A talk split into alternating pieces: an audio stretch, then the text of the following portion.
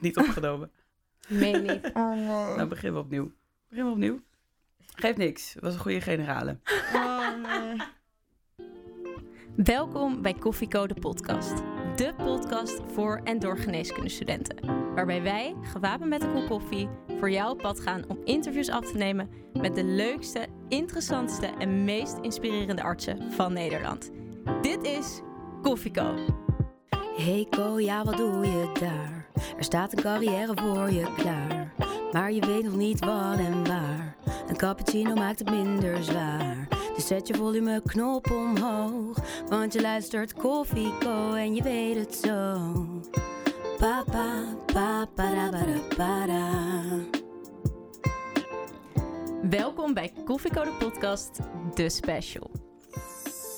In de special gaan wij in gesprek met artsen over vakoverstijgende onderwerpen. Wij zijn Doris Tessa. En Tiara. en vandaag behandelen we, naar ons idee, een heel belangrijk onderwerp. Namelijk burn-out onder AIOS met dokter Sanne Jansen. AIOS Urologie en bestuurslid van de Jonge Specialist.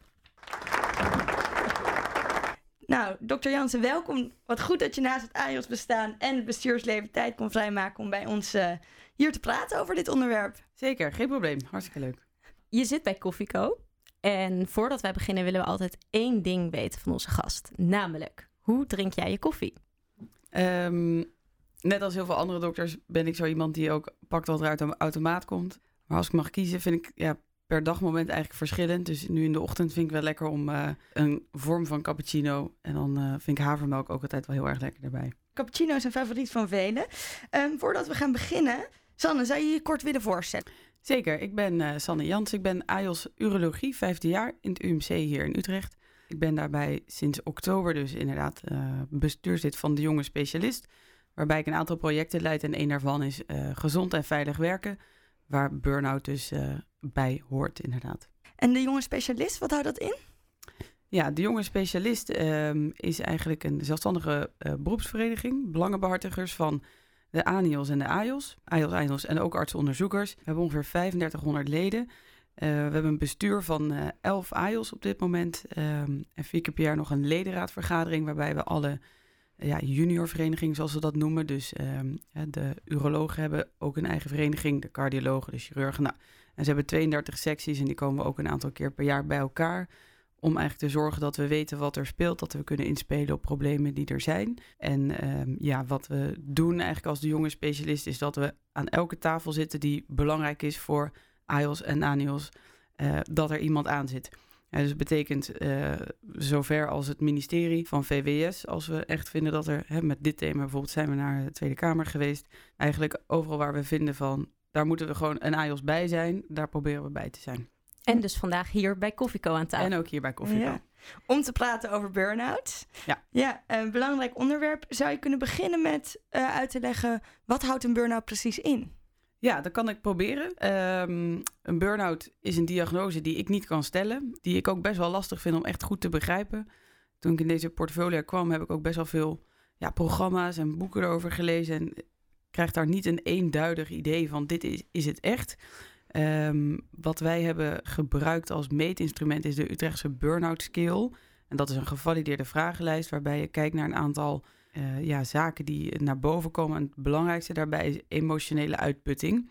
Dat is eigenlijk een van de criteria waarvan we zeggen, nou, op vragenlijstniveau is dat een belangrijke indicator dat er een burn-out misschien wel aan zit te komen. En dat is dan vaak gecombineerd met depersonalisatie. Dus dat je eigenlijk distancieert. Je doet je werk maar een beetje als een robot. Dus je bent er emotioneel niet bij. En het kan ook leiden tot fouten, tot eh, hè, dat je gewoon niet meer competent bent, dat je eh, de grip eigenlijk verliest. Omdat het een gevalideerde vragenlijst is en wij natuurlijk van een grote groep informatie willen. Hè, als je echt een burn-out diagnose stelt, dan wil je natuurlijk één op één precies weten hoe zit het, wat is er aan de hand, val je uit, val je niet uit. Wij willen weten hoe zit het in de groep en hoe gaat het met die groep. En daarom hebben wij gekozen om een vragenlijst bij herhaling af te nemen. Dat hebben we in 2015 gedaan en in 2018 weer. En dat is eigenlijk hoe wij het eh, beschouwen. En bij wie hebben jullie die vragenlijst precies afgenomen? Ja, wij zetten die uit onder onze hele achterban. We hebben ongeveer 3000 leden. Ehm 2018 is die vragenlijst door iets meer dan 950 eh, mensen ingevuld. Het grootste deel daarvan eh, is AIOS, maar er zit ook een aantal ANIOS bij. Ik neem aan dat er heel veel conclusies uit zijn gekomen. Want anders zou je hier niet zitten. Maar wat is nou echt het belangrijkste wat jullie daaruit hebben gehaald? Ja, het belangrijkste wat we nu afgelopen jaar hebben gezien, en dat is ook het resultaat wat we echt naar de media hebben uitgedragen, is dus een toename in het voldoen aan criteria voor burn-out. Dat was in 2015 14,8 procent en dat was nu in 2018 uh, 19 procent. En dat vinden we wel een heel reële stijging. En ook wel een alarmerend uh, percentage. Ook een alarmerend percentage, en dat is ook hoger dan gemiddeld in Nederland. Uh, als je ziet dat in Nederland ongeveer 14% voorkomt, dan zaten we er dus redelijk in de buurt en dat is nu echt wel aan het oplopen. Hebben jullie wel onderscheid gemaakt bijvoorbeeld tussen uh, vrouwen en mannen? Nee, we hebben eigenlijk geen uh, nee. onderscheid gemaakt tussen mannen en vrouwen. we hebben wel naar opleidingsjaren gekeken. Oké. Okay. En uh, daar zie je eigenlijk niet zoveel verschil. Want je zou misschien denken, goh, die eerste jaren zijn het zwaarst. En op een gegeven moment dan uh, heb je het wel onder controle. Maar eigenlijk is het over de jaren heen ongeveer hetzelfde. Jullie zien dus over de jaren heen uh, niet veel verschillen. Zien jullie wel dat er ook mensen uitvallen in de opleiding? Ja, ehm, je kan natuurlijk uitvallen aan een burn-out en thuis zitten. Of uitvallen ja. van de opleiding. Hè? Dus dat ja. zijn verschillende dingen. Um, bij die enquête zat 2% van de mensen thuis als gevolg van uitval door ja, burn-out of stress, hoe je het wil noemen. Uh, 6% had het gehad en was weer aan het werk. En um, we zien wel uitval van de opleiding, helaas. We zien eigenlijk één op de zes uh, assistenten stopt met de opleiding. We hebben geprobeerd te kijken of dat nou ja, normaal is. Hè. Het is natuurlijk op zich prima dat er af en toe iemand stopt. Um, maar het, is, ja, het lijkt meer te worden. Het is best wel lastig, want de ja, medisch specialistenopleiding is zo'n specifiek traject met en een al lange uh, basisstudie en dan ook nog een lang opleidingstraject. En uh, ja, misschien weten jullie het wel, maar een AIOS is een heel uh, dure kostenpost voor de maatschappij. Dus dat is ja, niet alleen maar jammer voor die persoon, maar dat is ook echt wel in het belang van de groep dat dat ja, een beetje voorkomen wordt. Ja, eigenlijk. zeker. Je beschrijft een aantal resultaten en je zei net, uh, de enquête is dus ingevuld onder, in 2018 onder 950 mensen. Is dat nou genoeg? Is deze enquête... Nou, kunnen we, we willen meer. Ja, we willen ja, meer. we willen graag meer, uiteraard. Lidmaatschap van de jonge specialist is helaas niet verplicht. Het zou wel mooi zijn. Niet omdat we graag willen dat iedereen lid is, maar omdat we als ja, belangenbehartiger natuurlijk gewoon veel meer te zeggen hebben als we een goede, grote, stevige achterban hebben. Ik denk wel dat het echt genoeg is om valide resultaten te geven, hoor, dat zeker. Maar hoe meer natuurlijk, hoe beter. Ja, precies. Zoals je zei, het belangrijkste resultaat was die enorme stijging in burn-out. Maar hoe komt dat nou? Wat is het verschil tussen 2015 en 2019? Gewoon omdat het beter is vastgelegd? Ik denk het niet. Er is een uh, ja, belangrijke gebeurtenis eigenlijk geweest, wel rond 2013, 2015. En dat is namelijk een groot bezuinigingsbesluit vanuit de uh, VWS. Uh, dat de, ja, de opleiding eigenlijk ja, minder moesten korten. Er moesten minder AIOS komen. Het moest liefst in korte tijd. Hè, dus dat is de verkorting op de opleidingsduur. Ja, en met individualiseren van opleidingstrajecten hoop je dat je dan in een wat kortere tijd toch een zo goed mogelijk dokter kan afleveren. Um, maar dat heeft er wel toe geleid dat we per jaar 100 AIOS minder hebben. Ja, maar er is nog steeds evenveel werk dat natuurlijk wat gedaan moet worden. Daarbij, omdat er minder AIOS zijn, is het voor ANIOS lastiger om in opleiding te komen. Dus een ANIOS-plek wordt ook wat minder aantrekkelijk. Ja, je had toch wel een tijd dat als je ergens ANIOS was en je deed goed, dat er nog wel redelijk zicht op een opleidingsplek is. Ja, dat is er ook gewoon niet altijd.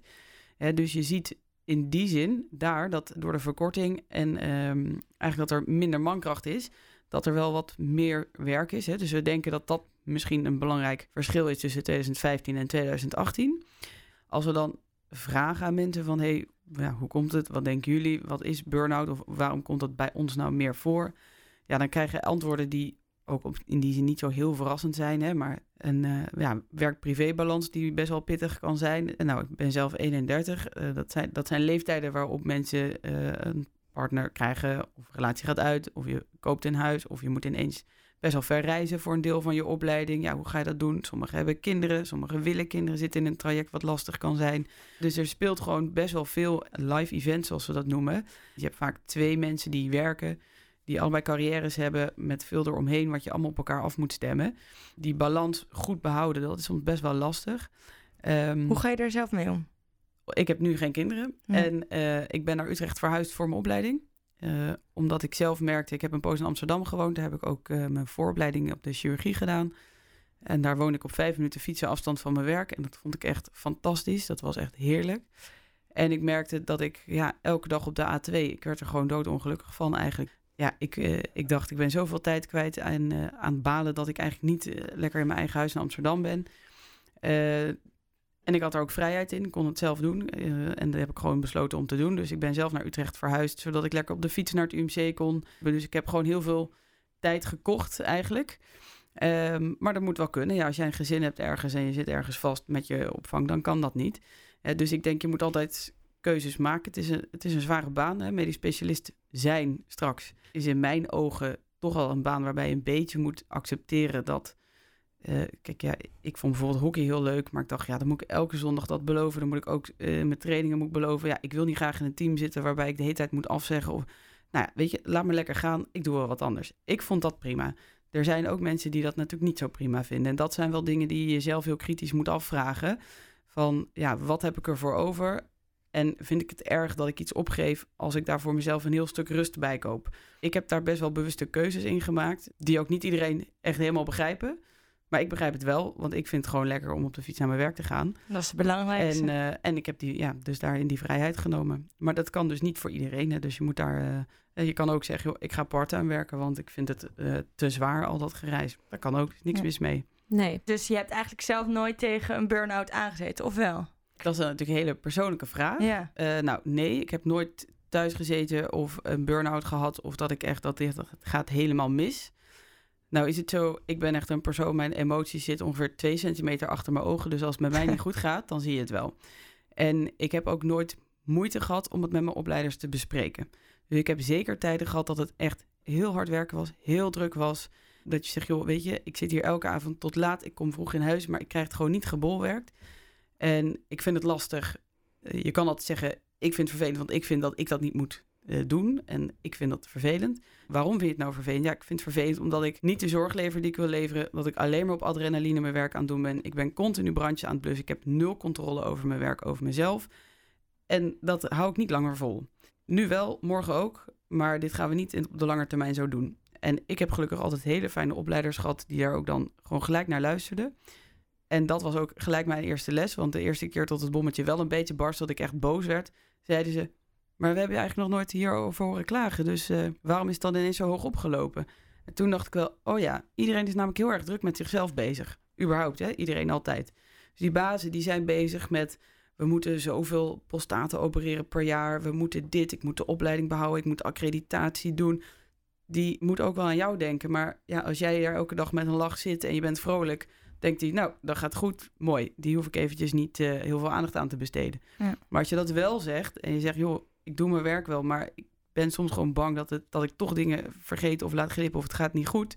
Ehm, als je het gewoon op tijd aangeeft, het is echt in ieders belang dat het goed met jou gaat. Dus daar komt een stukje karakter ook wel om de hoek kijken. Dat je ja, voor jezelf goed moet weten van hoe werkt dat bij mij? Hoe zit dat bij mij? Hoe, hoe draai ik aan mijn knoppen? En eh, eh, ja, eigenlijk hoe gaat het met mij? Ja. Dus eigenlijk al een mooie tip die je weggeeft van bespreek het met je opleiders. Zeker, met je opleiders en ook met je mede-AIOS en ANIOS. Dat je gewoon zegt, joh, ik merk dit, hebben jullie dit ook? Loop je hier ook tegenaan? Moeten we hier niet collectief eens een keertje wat van gaan zeggen? Hoe dan? Ja, dat zijn allemaal een beetje spannende dingen, maar als je het op het kookpuntmoment zegt, dan heb je vaak een vervelend gesprek, voel je jezelf ook niet goed over. Als het je lukt om daarvoor al hè, dat een beetje aan te voelen en te bespreken, dan is dat meestal eigenlijk prima. Is het eigenlijk een taboe? Ja, in mijn ervaring dus niet. Maar ik heb dus echt fijne opleiders gehad. En dat realiseer ik me ook wel vaak. We horen bij de jonge specialist af en toe nog verhalen dat je denkt... echt anno nu nog steeds. Dus ik denk niet dat het overal even bespreekbaar is. Het taboe zit hem erin dat je een afhankelijkheidsrelatie hebt met je opleider. Als een ANIOS wil je in opleiding komen... Dus ja, ga je aangeven, "Mm, ik heb aandacht nodig. Ja, zijn mijn Lastig. opleidingskansen Ja. dan weg? Als AIOS wil je eigenlijk ook eh, een goede stempel op je kont hebben als je weggaat. Van nou, dit is echt een super fijne collega. Ja. Dus als jij de hele tijd de zeur bent die allerlei dingen wil, wil aanhalen, ja, dan kan dat ook weer tegen je werken. En die afhankelijkheidsrelatie, dat is ook wel echt iets wat we erkennen. Van jongens, ook al heb je een goede bal met je opleider, prima. Maar wees je er gewoon van bewust dat daar altijd een bepaalde rem op kan zitten. Eh, en dat kan twee kanten op werken. Dus ik denk dat het, het als we het zo merken, het, het onderwerp is niet taboe, want je kan er gewoon niet meer omheen. Maar hoe je ermee om moet gaan, dat is nog best wel lastig. Zijn er ook eh, ja, andere mensen waarmee je kan praten? Of als je niet durft met je opleider over te praten? Ja, zeker. Ehm, je kan het gewoon in je eigen persoonlijke cirkel. Ik zou ook zeggen, ga vooral met mensen ook praten die geen geneeskunde doen. Want dan kom je er af en toe achter ja, wat voor bizarre cultuur wij soms eh, werken. Ja, reflecteer zelf heel goed. Kijk naar jezelf. Van, hé, hey, wat gebeurt er nou eigenlijk? Waarom voel ik me machteloos? Waarom reageer ik kribbig? Waarom doe ik dit? Dus reflecteer zelf. Praat er met mensen over. En ehm, wat ik ook een keer heb gedaan... en wat iets is waarvan wij ook vanuit de jonge specialist... het idee hebben dat het eigenlijk heel belangrijk is... is coaching. Ik heb ook een keer een coach gewoon in de hand genomen... omdat ik ook met iets zat. En ehm, het is heel fijn als iemand met wie je dus niet die afhankelijkheidsrelatie hebt... even een externe blik van hé, hey, waar gaat het nou mis? Ik merk dit, maar ik krijg het niet uitgeplozen zelf. Ik ben er niet goed in, ik heb er geen tijd voor, ik heb er geen rust voor. Hoe zit dat? Um, in de meeste ziekenhuizen waar we dit aankaarten is wel iets van een coachingsprogramma, maar het is soms nog een beetje onvindbaar. En ook van kun je dat dan betaald krijgen of kun je dat dan binnen werktijd doen? Ja, ja soms lastig. Zeker hè, als je ANIOS bent, ja, je hebt geen opleidingsbudget, je bent gewoon een betaalde kracht. Dus hoe ga je dat dan doen? Het zijn wel dingen die, uh, waar wij ook mee, uh, mee spelen van hoe kunnen we het nou het beste inrichten. Nou ja, het eerste is gewoon dat we overal vertellen dat we eigenlijk vinden dat elke jonge dokter en niet op het randje van, hè, net voor de afgrond van, die trekken we even terug, want anders zit ze thuis en dat komt de groep slecht uit. Maar gewoon in het begin helpen met wat voor specialist ga je worden, wat voor specialist wil je worden, welke sacrifices, hè, wil jij verhuizen? Of vind je dat eigenlijk echt onzin? Wil je misschien je sport opgeven? Of vind je dat onzin? Wat is voor jou belangrijk? Uh, hoe zie je jezelf later? Dat zijn allemaal dingen waar je vaak in het begin... Ja, je gaat eigenlijk als een kip zonder kop op die opleiding af. En zeggen dat je twijfelt of zeggen dat je het lastig vindt... Ja, dat is eigenlijk een beetje uit den boze. En je moet ook een beetje slim zijn. Je hoeft dat soort dingen natuurlijk ook niet tegen een opleider gelijk te zeggen. Maar het is wel heel goed om dat soort gevoelens toe te laten en gewoon op tafel te leggen en te bedenken wat, wat wil ik ermee. En daarvoor is een coach uh, of een, ja, een coach of een counselor, of hoe je het wil noemen, is daar wel heel uh, goed in. En dat heeft voor jou ook geholpen? Heeft het je wat gebracht? Ja, het heeft mij heel veel gebracht, ja. Wat het mij vooral heeft gebracht, is eigenlijk dat ik veel milder naar mezelf werd. Wat moet een 10 hebben en wat mag een 6 hebben? Patiëntenzorg, één op één contact, wil ik een 10. Dat wil ik gewoon goed doen. In mijn spreekkamer ja. wil ik gewoon een leuke dokter voor die patiënt zijn. Maar die brief naar die huisarts, ja, ik heb geen zin om daar een heel epistel van te maken. Daar staat gewoon in wat erin moet staan. En uh, ja, als mijn opleider dat dan niet een mooie brief vindt, ja, daar kan ik dan echt niet mee zitten. Oké, okay, ik moet een presentatie houden. Nou, ik maakte mezelf dat altijd giga moeilijk. Op een gegeven moment zei ik tegen iemand: Heb jij nu nog wat liggen? Ja, ik heb nog wat liggen. Dat heb ik aangepast. Kreeg ik een 8. Toen dacht ik: Nou, kijk, dit is winst. Dus eigenlijk prioriteiten stellen. Ja, prioriteit stellen, maar ook gewoon mild zijn naar jezelf. Gewoon zeggen: Jongens, je kan niet al die dingen met een team doen. Hoeveel tijd heb je? Hoeveel tijd wil je eraan besteden? Um, hè, ik werk altijd op deadlines, dus ik zat mezelf altijd uit te putten voor dat soort dingen. Ik dacht, daar ben ik eigenlijk wel klaar mee. Daar allerlei, ja, je hebt allerlei modellen voor. Je hebt ook Covey, die heeft dan een boek geschreven over de, de Seven Habits of Highly Effective People. Ik weet niet of dat jullie wat zegt, maar dat is ook een beetje zo'n uh, zelfmanagement leiderschapsgoeroe. En die zegt ook van, je hebt taken die zijn uh, belangrijk en urgent. Je hebt dingen die zijn belangrijk en niet urgent. Je hebt dingen die zijn urgent, maar niet belangrijk. En je hebt dingen die zijn niet belangrijk en ook niet urgent. En zeker in een ziekenhuis, je wordt continu, alles zit in die belangrijk en urgent. Hoor, je moet nu paracetamol voorschrijven. Je moet nu een vinkje zetten, want we kunnen niet door op elkaar. Je moet nu naar deze patiënt komen, want die gaat niet lekker. Uh, deze patiënt wil nu teruggebeld worden. Je moet hier een herhaalrecept. Ja, dat herhaalrecept kan ik niet uitbesteden aan de verpleegkundige. Oké, die mensen die staan nu bij de apotheek. Ja, kan ook moeilijk zeggen, ik doe het over vijf uur. Maar juist die dingen die voor jou belangrijk zijn, maar niet urgent zijn, die worden altijd het slachtoffer. Een goed uh, plan uitwerken, uh, een mooie reis plannen, uh, rustig gaan zitten voor voorbereiding van een podcast. ja, het, het, is allemaal niet urgent. Tot gisteren, dan wordt het urgent. Maar dan is het eigenlijk niet leuk meer, want dan is het allemaal stress. Dat zijn dingen die ik allemaal van die coach heb geleerd van... er is best wel veel winst te behalen. Niet op alles heb je invloed. Als er echt een een, een, een baas in het ziekenhuis loopt waar je gewoon helemaal niks mee kan. Ja, dat kun je niet goed uh, maken. Als het niet werkt, dan werkt het niet. Daar heb je geen invloed op. Maar waar je wel invloed op hebt, is misschien hoeveel je met zo iemand te maken hebt. Of, nou ja, dus kijk waar je wel invloed op hebt. En dat zijn ook dingen die je tegen een burn-out kunnen beschermen. Dus je kan daar wel veel uit halen. Eigenlijk moet je dus op sommige punten je perfectionisme een beetje loslaten. Nou, ik denk dat, ja, um, ik ben zelf ook geen perfectionist.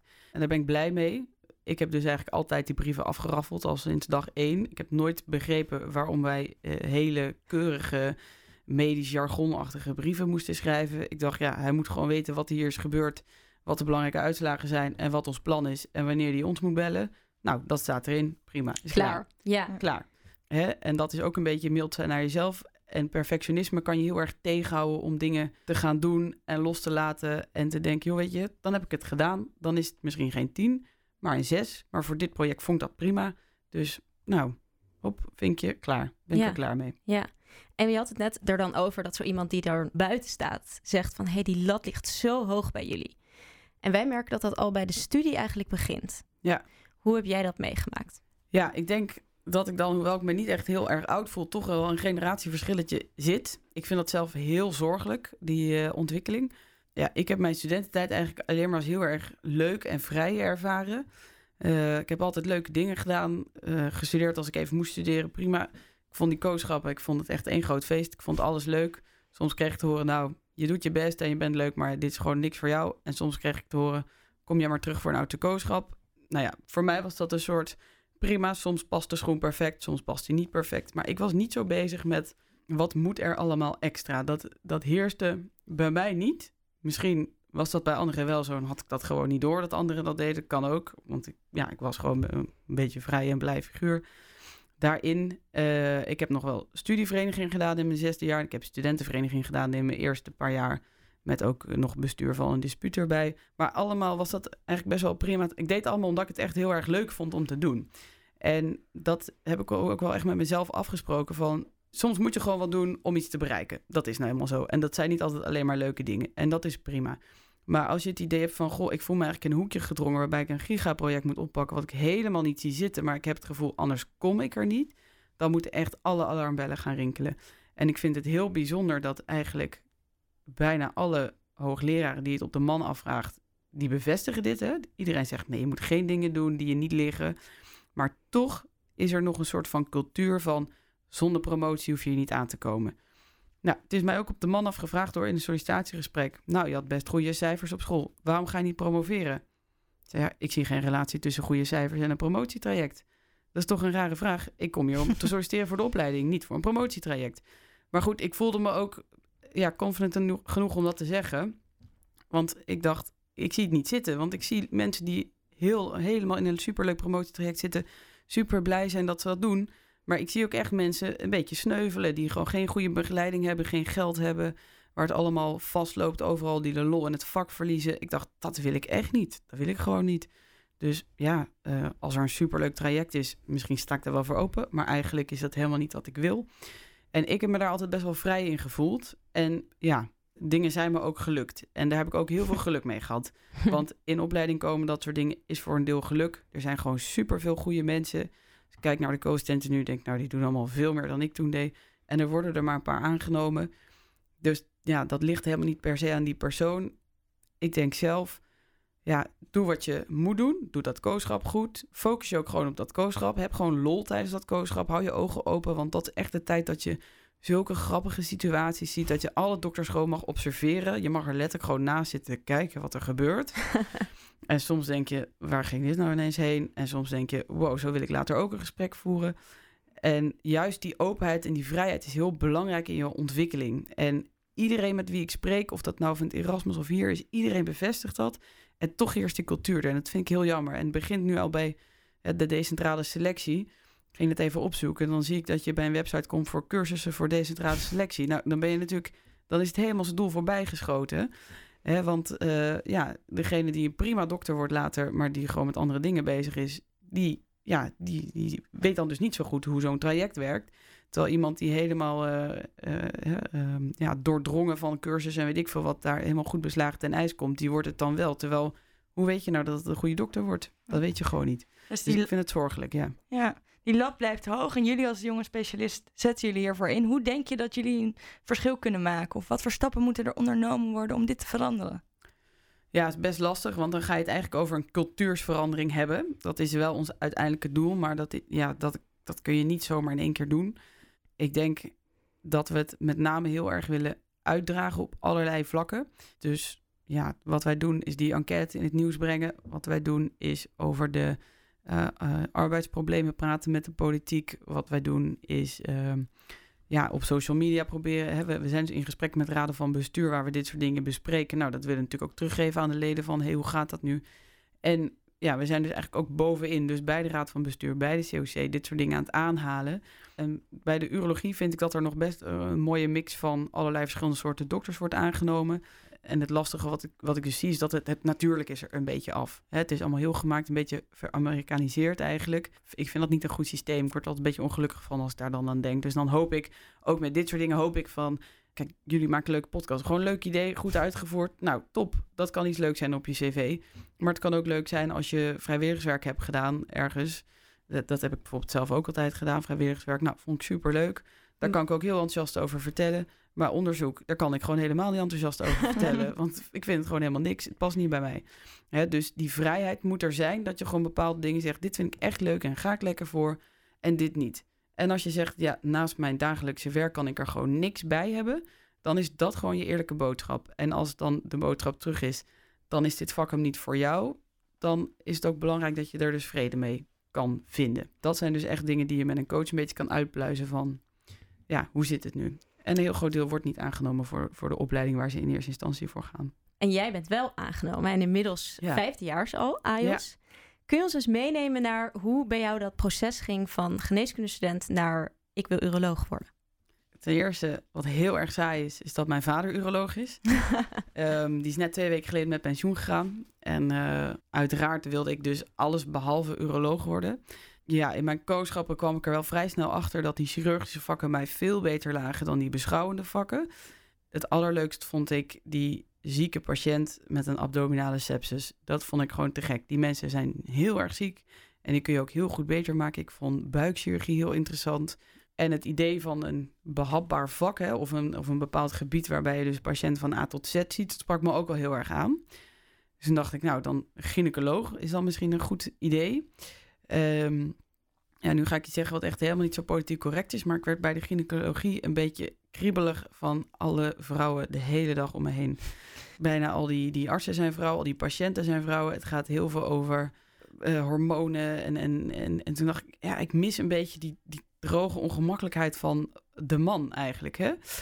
Ja, en toen ik dat eenmaal op een rijtje ging zetten, zei mijn vader ook, ja, je kan hier tegen blijven vechten, maar ga daar maar eens gewoon kijken bij de urologie. Toen ben ik in Venlo, waar ik mijn oudste kooschap op de Heelkunde deed, bij een uh, kooschap urologie terechtgekomen. Bij dokter Meijer, dat is een oud tropenarts die werkelijk alles deed. Heel geestig was. Die liet mij ook gewoon alles doen. Laparoscopie, kleine operaties. Hij vond het allemaal prima.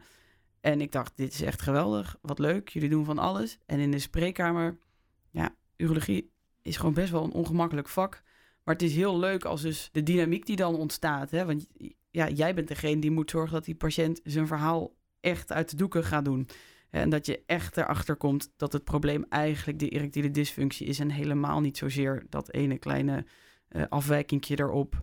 Hè, of dat die angst voor kanker er heel erg is. Terwijl jij denkt, oh, maar dit is helemaal niet hoe kanker zich presenteert. En je hebt mannen, je hebt vrouwen, je hebt jong, je hebt oud. Je hebt uh, onderzoek op de poli. Uh, sommige mensen zijn met medicatie prima af. Hoeven helemaal niet geopereerd te worden. Maar als ze geopereerd worden, nou, dan begeleid je dat hele traject. Ja, dus ik dacht, ik vind het eigenlijk heel erg leuk. En um, mijn afstudeeronderzoek heb ik toen in het Erasmus gedaan op de urologie.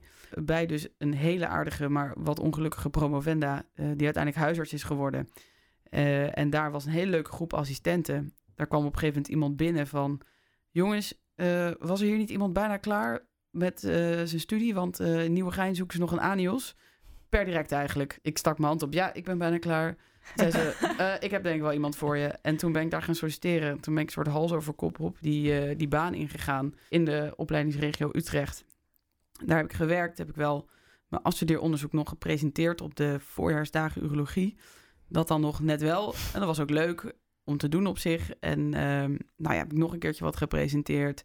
Dan op de afdeling heb ik bijvoorbeeld een projectje opgestart wat, wat niet lekker liep op de afdeling. Want dan dacht ik, ja, dat vind ik nou leuk. Gewoon verpleegkundige onderwijs geven, processen die niet lekker lopen aanpassen. Gewoon gelijk resultaat. Is iedereen ook blij mee? Ja, dat paste beter bij mij. En uh, in een jaar gesolliciteerd, waarbij er gelukkig drie plek, plekken waren. En een van die plekken die was voor mij. Hoe ging die sollicitatieprocedure? In die tijd moest je niet echt een brief schrijven, maar moest je eigenlijk allerlei vragen beantwoorden. Dus scenario's, je, je zicht opgeven. En je moest uh, twee referentiebrieven meesturen. Dus ik had die uroloog uit Venlo en dan een van mijn bazen in Nieuwegein. En um, dan werd je eigenlijk landelijk, kreeg een soort van goedkeuringsmarkering, zeg maar. Oké, prima, die eh, is, is voldoende, mits er een plekje voor er is. En dan mocht je ja, in de verschillende regio's je interesse eh, uiten. Dus toen heb ik twee gesprekken gehad in Rotterdam en in Utrecht. En ehm, ja, in Utrecht aangenomen. En hoe ging dat dan? Word je dan gebeld? Word je Ja. dan gemaild? Werd gebeld, inderdaad. Eh, in Rotterdam was best wel een taai gesprek. Want daar, ja, ik denk nog steeds, dat zullen ze allemaal nooit toegeven, dat je meestal van tevoren wel een beetje een idee hebt wie je gaat aannemen. En dat de gesprekken er echt zijn tussen wie het nog een beetje spant. Ik kwam niet uit Rotterdam, ik had daar mijn wetenschappelijk onderzoek gedaan. Dus ik wist wel van, ja jongens, ik kom hier toch niet binnen. En ze hebben me behoorlijk aan de tand gevoeld. Ook die promotievraag, die kwam daar naar voren. Maar ja, ik zat daar een beetje van, ja jongens, je hebt mijn cv gezien. Dus je weet dat ik niet gepromoveerd ben. Dus Ja. ik vond dat niet vervelend. Ik, het was een goede generale repetitie. Ehm, ja, door hen werd ik gebeld. Je bent niet aangenomen, maar we vonden eigenlijk wel dat je een heel goed gesprek hebt gehad. Maar we hebben gewoon geen plek voor jou in deze regio. Nou, dat is prima, dat is niet persoonlijk. En, Was dat ehm, een teleurstelling toen? Nee, want ik wist het wel. Ja. Ja, ik kwam... eh, En je had Utrecht nog in je bek. ja, dit, maandag was Rotterdam en ik stapte uit die trein. Ik werd gelijk gebeld. Nou, toen ben ik gewoon ergens een biertje gaan drinken. En toen dacht ik, ja, weet je, dit wist ik. Dat is ook, dit is ook oké, is prima. Verwacht ik ook niet. niet dat, is, dat was niet de grote teleurstelling, want dat wist ik eigenlijk Ja. wel. En woensdag Utrecht, ja, dat is wel spannend. Want je, je ziet je collega's, je kent elkaar allemaal. Dus je weet van, hè, die heeft zo'n ander profiel. Ja, als ze hem willen of mij willen, dat is gewoon een ander, ander soort dokter die ze aannemen. Maar hij heeft best wel een beetje hetzelfde profiel. Dus ja, shit, ik moet eigenlijk wel net iets beter doen dan hij eigenlijk. Ja. Eh, maar ja, hij is ook goed. Dus ja, ze kunnen eigenlijk niet echt misgaan. En dat is natuurlijk eh, een gekke situatie.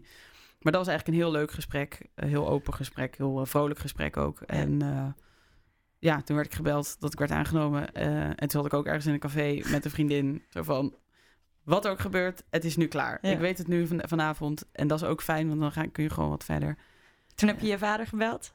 Toen heb ik inderdaad mijn vader gebeld. Die Pap, ik word ook uroloog. Ja, die was zeer verrast. Maar de champagne stond wel klaar. Dus hij had nog wel ergens vertrouwen dat het wel ging lukken. ja. Precies. Wat Leuk. leuk. En hoe ziet de opleiding eh, er eigenlijk uit? Ja, die opleiding eh, is net een beetje veranderd eigenlijk. Dus toen ik werd aangenomen was het een zesjarige opleiding... waarvan twee jaar vooropleiding algemene chirurgie. En dat algemene chirurgiedeel doe je samen met de chirurgieassistent in opleiding... de plastische chirurgie, orthopedie, eh cardiotoracaal doet een jaar. Dus daar zitten eigenlijk heel veel verschillende dokters bij elkaar. Dat is ook heel leuk. Ehm, en dan ga je daarna terug naar de urologie... waarbij het oorspronkelijke idee was... twee jaar eh, academische urologie en twee jaar perifere urologie... Dat is nu een beetje veranderd. Hè? Dus eh, die korting is eigenlijk ingevoerd. En bij ons komt dat nu meestal in de chirurgische periode te vallen. Wat denk ik ook wel terecht is. Dan zie je dat er anderhalf jaar verplichte academie is. Dan is er twee jaar perifeer. En dan mag je nog een deel zelf invullen. Noemen ze differentiëren.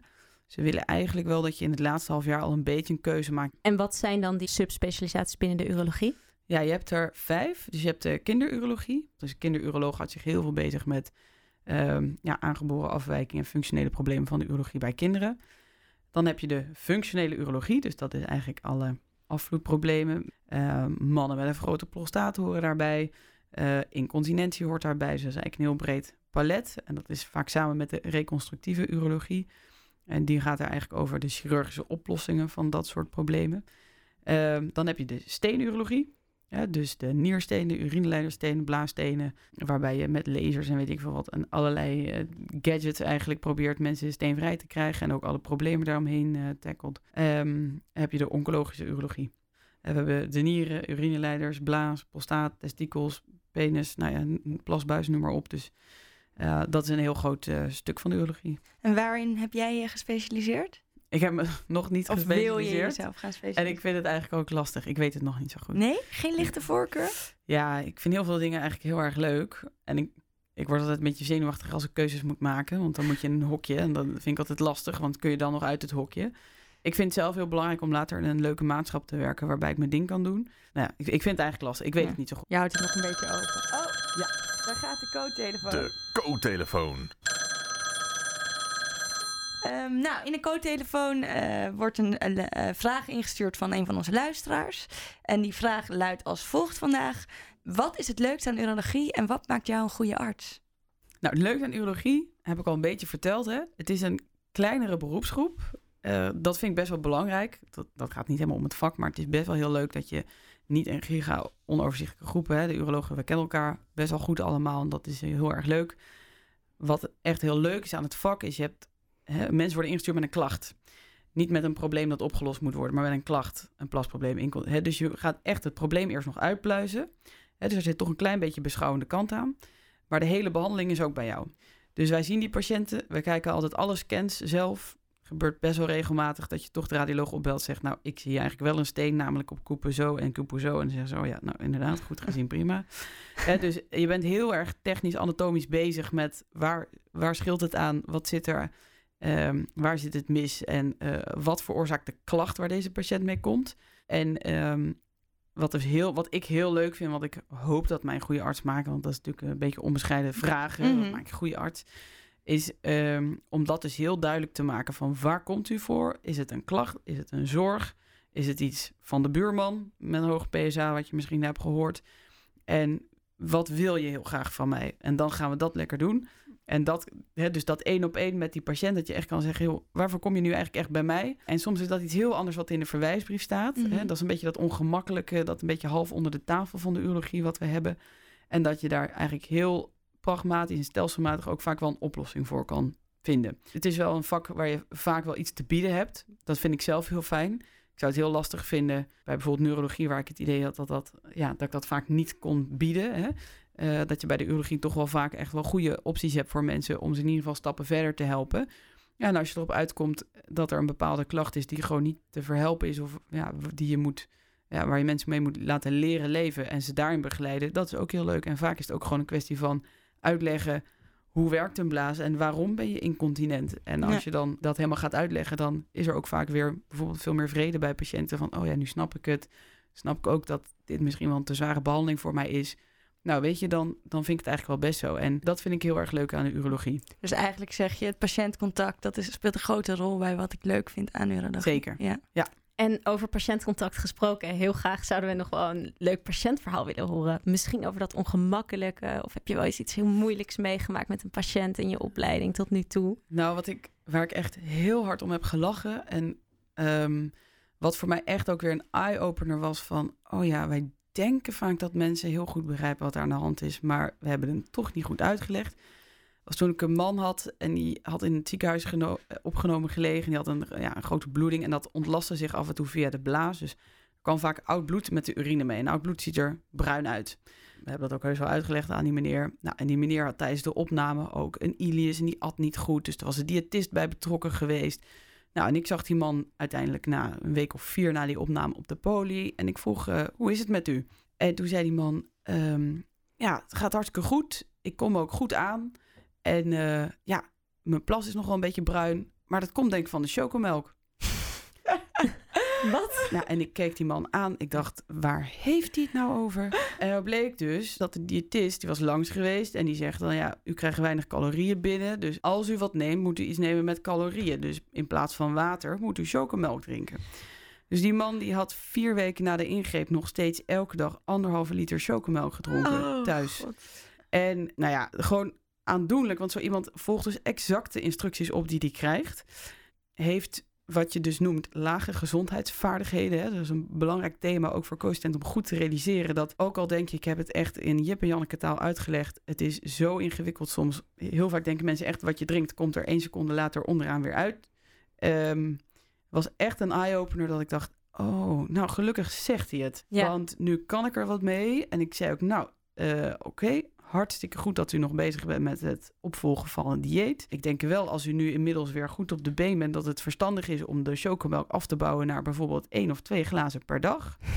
En ik zal vragen of de diëtist u daar nog verder in kan begeleiden. Nou, het het is een hele leuke diëtist in Nieuwegein. Daar heb ik gewoon even koffie mee gedronken. Hebben we even genoten van dit verhaal. En die heeft daarna nog een keertje telefonisch contact opgenomen met die man. En dan is het helemaal goed gekomen. Ja. Maar het was en hilarisch en het was echt alweer een eye-opener. Ja. Je maakt dus ook nog leuke dingen mee. Het is niet allemaal Zeker. stress en nee, burn-out. zeker niet. Zeker Nee. niet. Ehm, nou, dan willen we nu graag doorgaan naar wat als. En in wat als stellen wij diepgaande vragen om onze gasten nog beter te leren kennen. Dus laten we beginnen. De eerste vraag is: wat als je morgen je spullen moest pakken en een jaar lang niet in Nederland mocht zijn? Oeh, dat is een goede vraag. Leuk. Ehm, ja, ik heb altijd best wel veel in het buitenland gezeten. eh, in mijn kooschappen, maar ook als arts heb ik nog even in Tanzania gezeten na, na mijn aanjolstijd voor mijn aanjolstijd in de wachttijd. Dus ik vermaak me daar altijd goed. Op dit moment zit ik ook wel lekker in Nederland, omdat ik nu allemaal leuke projecten met de jonge specialisten doe en mijn opleiding allemaal goed gaat. Maar als ik een jaar niet in Nederland mocht zijn, zou ik kijken of er niet ergens een grappig vrijwilligerstraject is met iets totaal anders. Gewoon eh, voor schildpadden zorgen of leren. eh, ja, tuinieren bijvoorbeeld zou ik ook wel graag goed willen leren. Je hoort Ja. iets onvoorbereiden. Ja, ik zou wel gewoon iets. Ik zou niet alleen maar op een eiland gaan zitten uit de kokosnoot drinken, want dat dat, dat hou ik nooit zo lang vol. Maar ik vind het altijd heel leuk als je ergens lokaal iets leert. Gewoon Ja. iets leert met je handen te doen of zo. Daar word ik eigenlijk altijd wel vrolijk van. Ehm, de volgende vraag is: wat als je nu zelf een burn-out zou krijgen? Ja, dat zou ik wel een beetje balen natuurlijk. Want eh, ja, practice what you preach. Hè, dus eh, dan heb ik het zelf echt niet goed gedaan. Ja, als je zelf een burn-out hebt, weet je, ja, eh, dan is het gewoon zo. Niet te hard voor jezelf zijn. En ehm, Bij ja. wie zou je om hulp vragen? Ehm, nou, ja, ik denk in eerste instantie gewoon je familie en vrienden. En dan eh, zou ik maar eens even rond gaan kijken wie je daarbij kan helpen. Om zo snel mogelijk weer op de been te komen. Doe je Ja. dat nu ook als je stress hebt? Zeker, ja. ja ik zei, ik ben altijd heel open. Dus, en ja, soms baal ik daarvan. Want ik eh, heb dus ook echt wel eens bij opleiders met tranen gezeten. Dat die zei, oh god, ik schrok daar heel erg van. Maar zeiden, ja, eh, ik weet nu bij jou, ja, als je ergens mee zit, dan, dan komt het er gewoon uit. En dan daarna is het voorbij en dan hoor je er ook niks meer van. Dus eh, het heeft voor- en nadelen, zeg maar. Maar ik vind het bij mij is wel echt eh, gedeelde smart is halve smart. Dat is niet voor iedereen zo, maar ik vind het altijd wel lekker om even kort te ventileren. Want dan ben ik een deel van de stress weer kwijt. Ja. Goede zelfkennis. Nou, Sanne, we zijn aan het einde gekomen van onze podcast. En we eindigen altijd met een laatste tip. Je hebt eh, tussendoor al best wel veel tips weggegeven. Heb je nog Ja. een mooie tip voor onze luisteraars? Ja, ik heb een, eigenlijk een tip als dokter en eentje als burn-out figuur van de jonge specialist. Als dokter zou ik altijd zeggen, geloof wat je zelf vertelt. Het klinkt heel stom, maar assumption is the mother of all fuck-ups. En dat is echt mijn allermeest grootste wijze les. Als iemand zegt, joh, ik heb die opgenomen met dit, dit is de diagnose. Ga altijd zelf bij de patiënt kijken. Zorg dat je zeker weet dat die diagnose ook klopt. Als jij het weet, dan heb je, kan het helemaal misgaan, maar dan heb je echt je best gedaan. Als je het hebt aangenomen en je denkt later, shit, ik heb niet kritisch gekeken. Dat is echt vervelend, vond ik altijd, wat kan overkomen. En als eh, ja, burn-out, eh, nou ja, ik ben echt zeker geen specialist, maar als iemand die zich ermee bezighoudt, net jonge specialist, zou ik zeggen, zoek een coach vroeg die je kan helpen met zelfreflectie. Neem daar af en toe de tijd voor. Doe dat met jezelf. Doe dat met je vrienden, met een biertje of een wijntje erbij. Maar doe dat ook serieus, eventueel met een coach. En doe niet te veel tegen natuurlijke dingen. Ik denk dat dat nooit goed afloopt. We vragen ook wel eens, heb je zelf ooit een goede tip gekregen? En ik dacht eraan, nou, je vader is ook uroloog. En natuurlijk je vader. Heb je ooit wel eens een goede tip van hem gekregen? Ja, mijn vader is een Fries en die heeft altijd eh, van die waarheden, wijsheden waar ik denk, waar komt dat vandaan? Eén typische was, als je moet huilen, dan ben je moe. En als je moe bent, moet je naar bed. En vroeger haat ik die uitspraak altijd, maar het is gewoon waar. Eh, als het allemaal even veel te veel wordt, neem gewoon rust. Ga even slapen, dan is de wereld vaak een stuk lichter en is het allemaal wat beter te doen. Lijkt me een mooie afsluiter. Ja, zeker. Super. Ehm, ja, dan zijn wij het einde van onze eh, special gekomen. Dr. Jansen, hartelijk dank voor je komst. Graag gedaan. Eh superleuk dat je met ons over dit belangrijke onderwerp eh, hebt willen praten. En voor de luisteraars, dank jullie wel voor het luisteren weer. Dat Tot was de het. volgende keer bij Koffie Co. Tot de volgende keer. Deze podcast werd mede mogelijk gemaakt door Universiteit Utrecht, Hogeschool Utrecht, Opleiding Journalistiek, UMC Utrecht en Utrechts Universiteitsfonds STUF. Abonneer je op deze podcast en volg ons op Instagram, @koffiecopodcast.